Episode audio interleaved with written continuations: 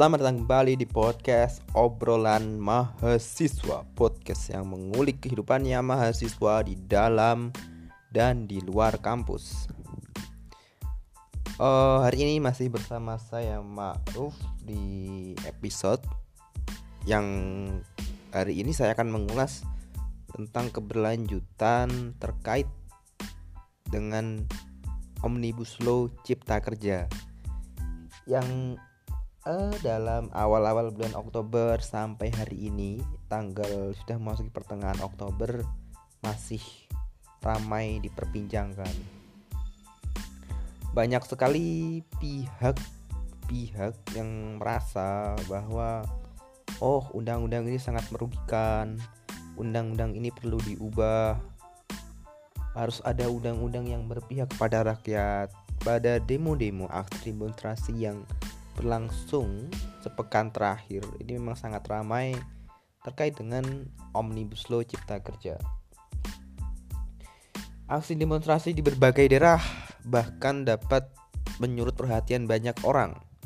Orang-orang yang sebelumnya tidak terlalu tertarik pada hal-hal seperti ini akhirnya juga tertarik untuk mengikuti kegiatan semacam ini para pekerja, mahasiswa, terus juga dari kalangan pelajar bahkan juga ikut dalam aksi demonstrasi.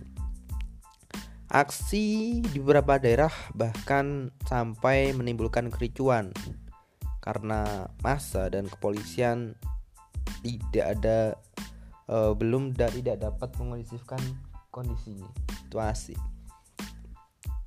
ada yang sampai sampai terluka parah fasilitas umum sampai dirusak ini menunjukkan bahwa tensi ketegangan pada saat aksi demonstrasi sangat tinggi. Luapan emosional dari para demonstran cukup cukup tinggi pula. Uh, saya semoga semoga tindak lanjut dari omnibus law ini juga ada. Harus ada tindak lanjut jangan sampai ini hanya menjadi isu dalam sepekan. Ini tidak ada tindak jangan sampai.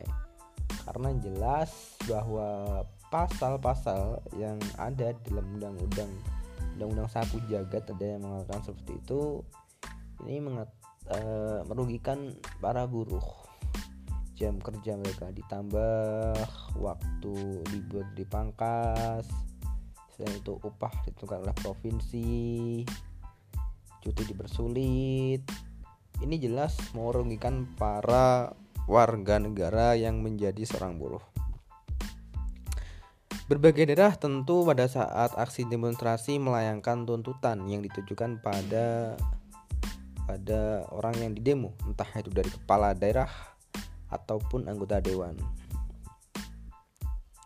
Jelas tuntutannya mempunyai maksud agar ada perubahan, ada semacam revisi pada undang-undang ini. Undang-undangan ini memang disahkan pada tanggal 5, tapi sekarang ini masih dalam tahap uji materi di Mahkamah Konstitusi.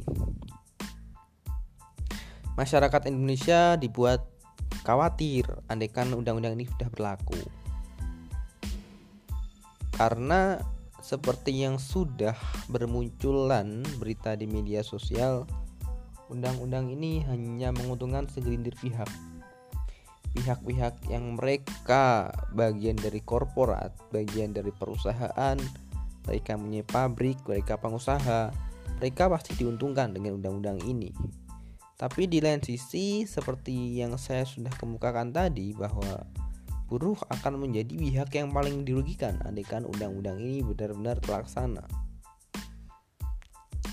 Buruh yang mempunyai kewajiban untuk kebutuhannya harus berpikir ekstra, bekerja ekstra hanya demi suap nasi, hanya demi kebutuhan keluarga.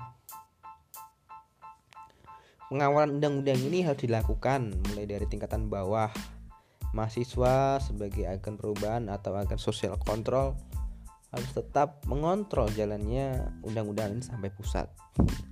Surat di berbagai daerah sudah masuk di pusat. Semoga ada tindak lanjut apa yang disuarakan oleh masyarakat masyarakat sudah kesal masyarakat sudah jengah dengan kelakuan dewan ada yang mematikan mic ada yang adu interupsi.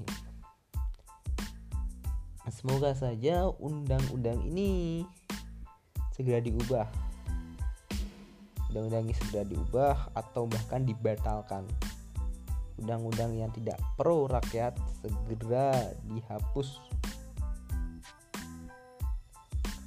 Semoga euforia yang ada di daerah terkait dengan undang-undang ini terkait aksi demonstrasi tidak surut jangan sampai aksi ini hanya menjadi aksi sesaat tanpa ada kelanjutan yang selanjutnya Jangan sampai roda ini hanya berjalan setengah jalan tapi tidak sampai tujuan. Roda ini harus berputar sampai tujuan yang diinginkan. Bahwa masyarakat Indonesia lah, rakyat Indonesia lah yang mempunyai kewenangan untuk membangun negeri ini. Saya berharap semoga pada pemerintah pusat ada tindak lanjut ada kejelasan yang pro rakyat tidak hanya RUU Cipta Kerja Omnibus Law yang harus yang dirasa tidak merugikan yang dirasa merugikan rakyat harus diubah ini berlaku juga pada undang-undang yang lain yang dirasa serupa.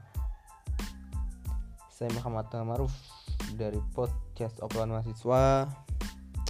And thank you for listening. And see you. Bye bye